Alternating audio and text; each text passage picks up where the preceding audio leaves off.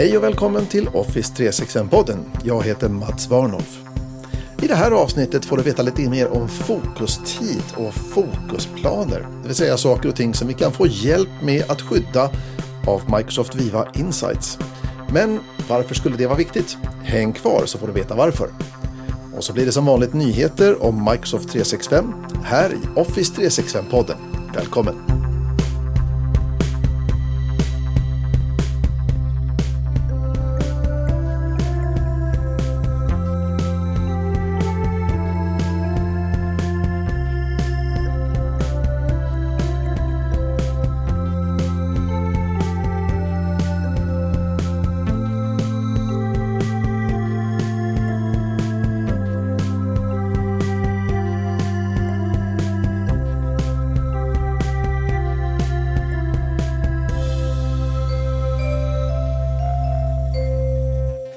Ibland är det ovanligt stressigt på jobbet.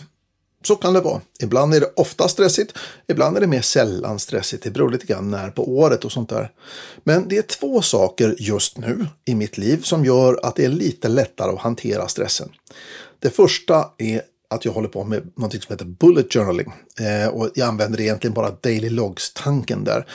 Bullet journaling eller bujo som det också brukar kallas. Det är egentligen ett ämne för en annan dag. Men Kort sagt så innebär det att man behöver ha en aktuell lista för alla att göra-grejer och alla ens reflektioner och tankar på samma ställe i en pappersbok som du skriver för hand med penna.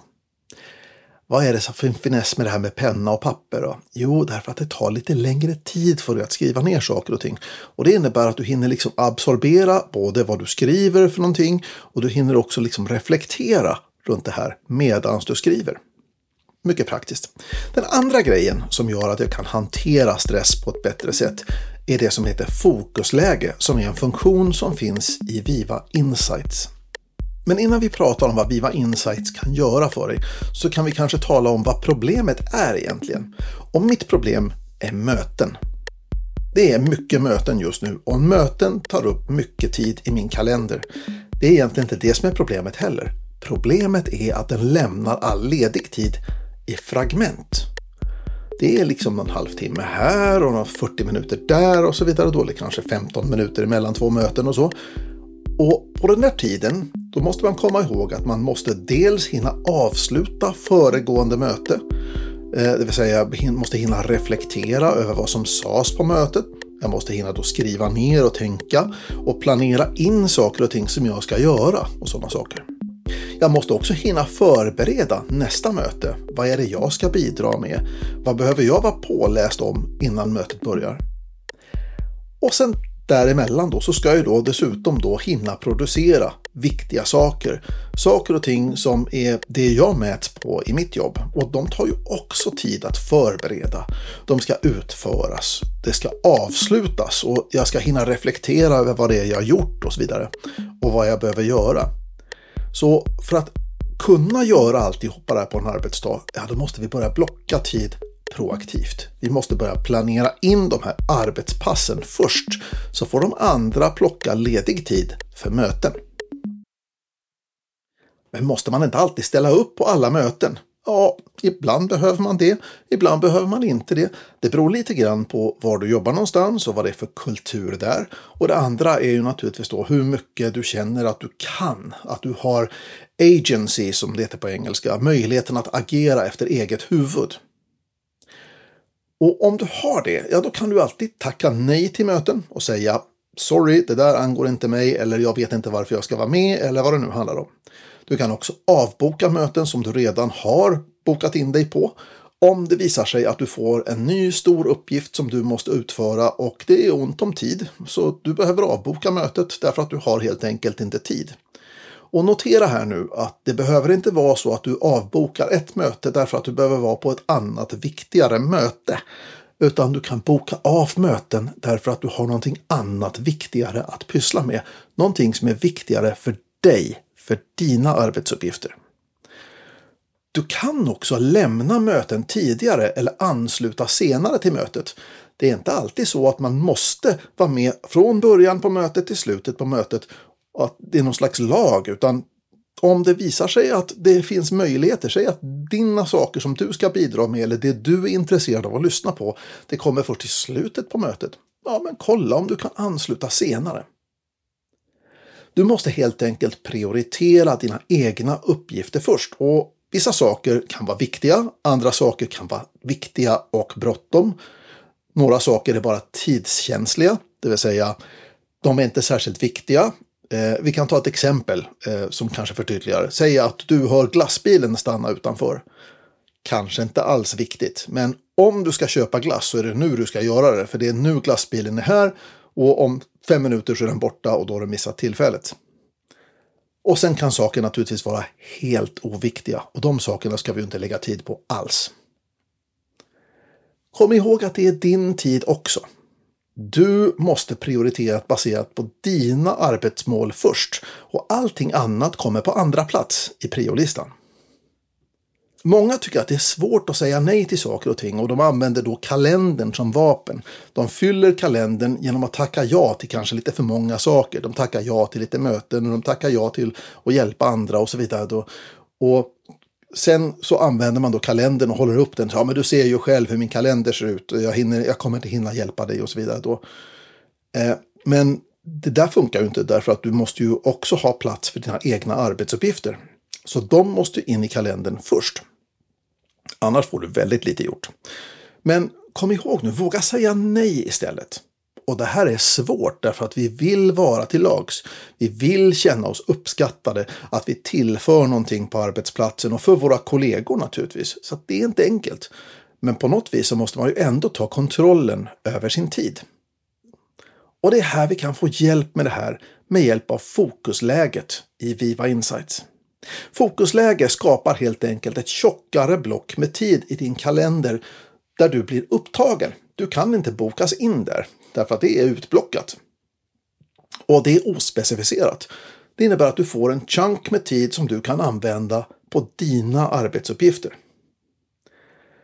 Fokusläget informerar också alla andra användare om att du faktiskt håller på med någonting viktigt. Den sätter din status i Teams till fokuserar. Och om du inte vill hålla på med det här manuellt så kan du till och med skapa någonting som vi kallar för en fokusplan i Viva Insights. Det här kan du hitta då i Viva Insights-appen i Teams. Du kan också hitta det i Insights-dashboarden eller du kan hitta den i Insights i Outlook om du har Insights-appen i Outlook som en add-in där. Men det vanligaste är kanske att man har Viva Insights som en app i Teams. Och om det är dit du vill gå så går du då till appens skydda tid-flik.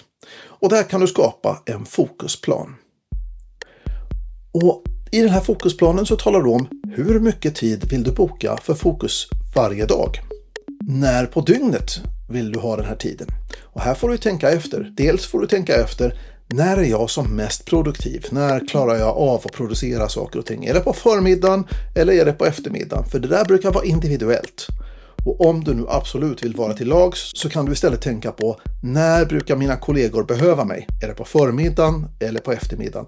Och är det jämn belastning? Ja, strunta då i det. Tänk inte in det. Lämna det åt sidan och fokusera istället bara på själv när du bäst är produktiv. Du kan också välja att få en påminnelse om att det är dags att fokusera. Då får du sån här 15 minuter innan, ungefär som inför ett möte. Nu är det snart dags att fokusera, står det. Eh, och du kan också välja att tysta chattar och notifieringar från Teams under den tiden som du fokuserar. Och när du har gjort alltihopa det här, då kommer den att fylla din kalender löpande med fokustid automatiskt. Du kan också få ytterligare funktioner i det här. Du kan boka in tid för raster till exempel. Du kan boka in tid för personlig utveckling. Säg till exempel att du vill lägga två timmar i veckan på att studera någonting eller lära dig någonting nytt eller testa någonting som du inte har gjort förut, ja då kan du lägga in det som personlig utvecklingstid. Du kan också boka in någonting som vi kallar för catch-up-tid. Och catch-up-tid är helt enkelt tid som du tar då för att besvara de här mejlen. Det är nu du öppnar Outlook och tittar på mejlen som har kommit in och det är nu som alla chattarna och, och kanalmeddelandena ska hanteras. Det här är ett bekymmer för många människor därför att man tänker sig i sitt huvud att mail och chattar och kanalkonversationer är saker och ting som måste besvaras på en gång när de kommer. Men de är egentligen framförallt mail och kanalkonversationer tänkta som ett asynkron kommunikationsmedium. Det vill säga, den som vill kommunicera med dig gör det när det passar den personen och du svarar när det passar dig. Asynkront. Chattar kan ju användas synkront eller asynkront. Jag brukar tänka att det är ett asynkront medium det också. Det vill säga att jag skickar ett meddelande till min kollega och min kollega svarar när det passar kollegan. Så enkelt är det. Telefonsamtal däremot, de är synkrona. Så om det är så att man vill nå mig och det är bråttom, då får man helt enkelt ringa via Teams eller mobilen eller vad man nu gör. Är det här en ordentlig hjälp då? Och men det är faktiskt det. Varje störning, varje möte eller någonting brukar man säga att det tar 20 minuter tar det före och efter och framförallt efter bara att fokusera om efter att du blivit störd av någon som kommer och knacka på eller som skickar en chattmeddelande eller så. Så när du ser det där och du liksom tittar på det, du måste tänka in vad är det här för någonting, vad är det personen vill och sen så besvara det och sen så reflektera, var det här ett bra svar eller vad det nu handlar om. Eh, och sen så komma tillbaka igen i matchen där du var. Så tar det i snitt ungefär 20 minuter innan man är tillbaka mentalt på samma ställe där man var. Och om du inte skyddar din tid mot den här typen av störningar, ja då är det svårt att få något gjort. Så använd fokusläget och använd jättegärna de här fokusplanerna om du har möjlighet till det. Fokusläget kommer också snart till Outlook inom kort så att du kan slå på det direkt i Outlook om du vill. Så sluta behandla din egen tid som en andra klassens grej.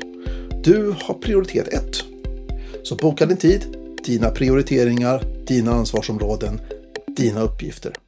Och sen så får de andra hålla till godo med den tiden som blir över.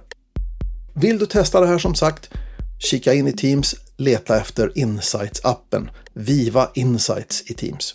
Och så går det till Skydda din tid-fliken.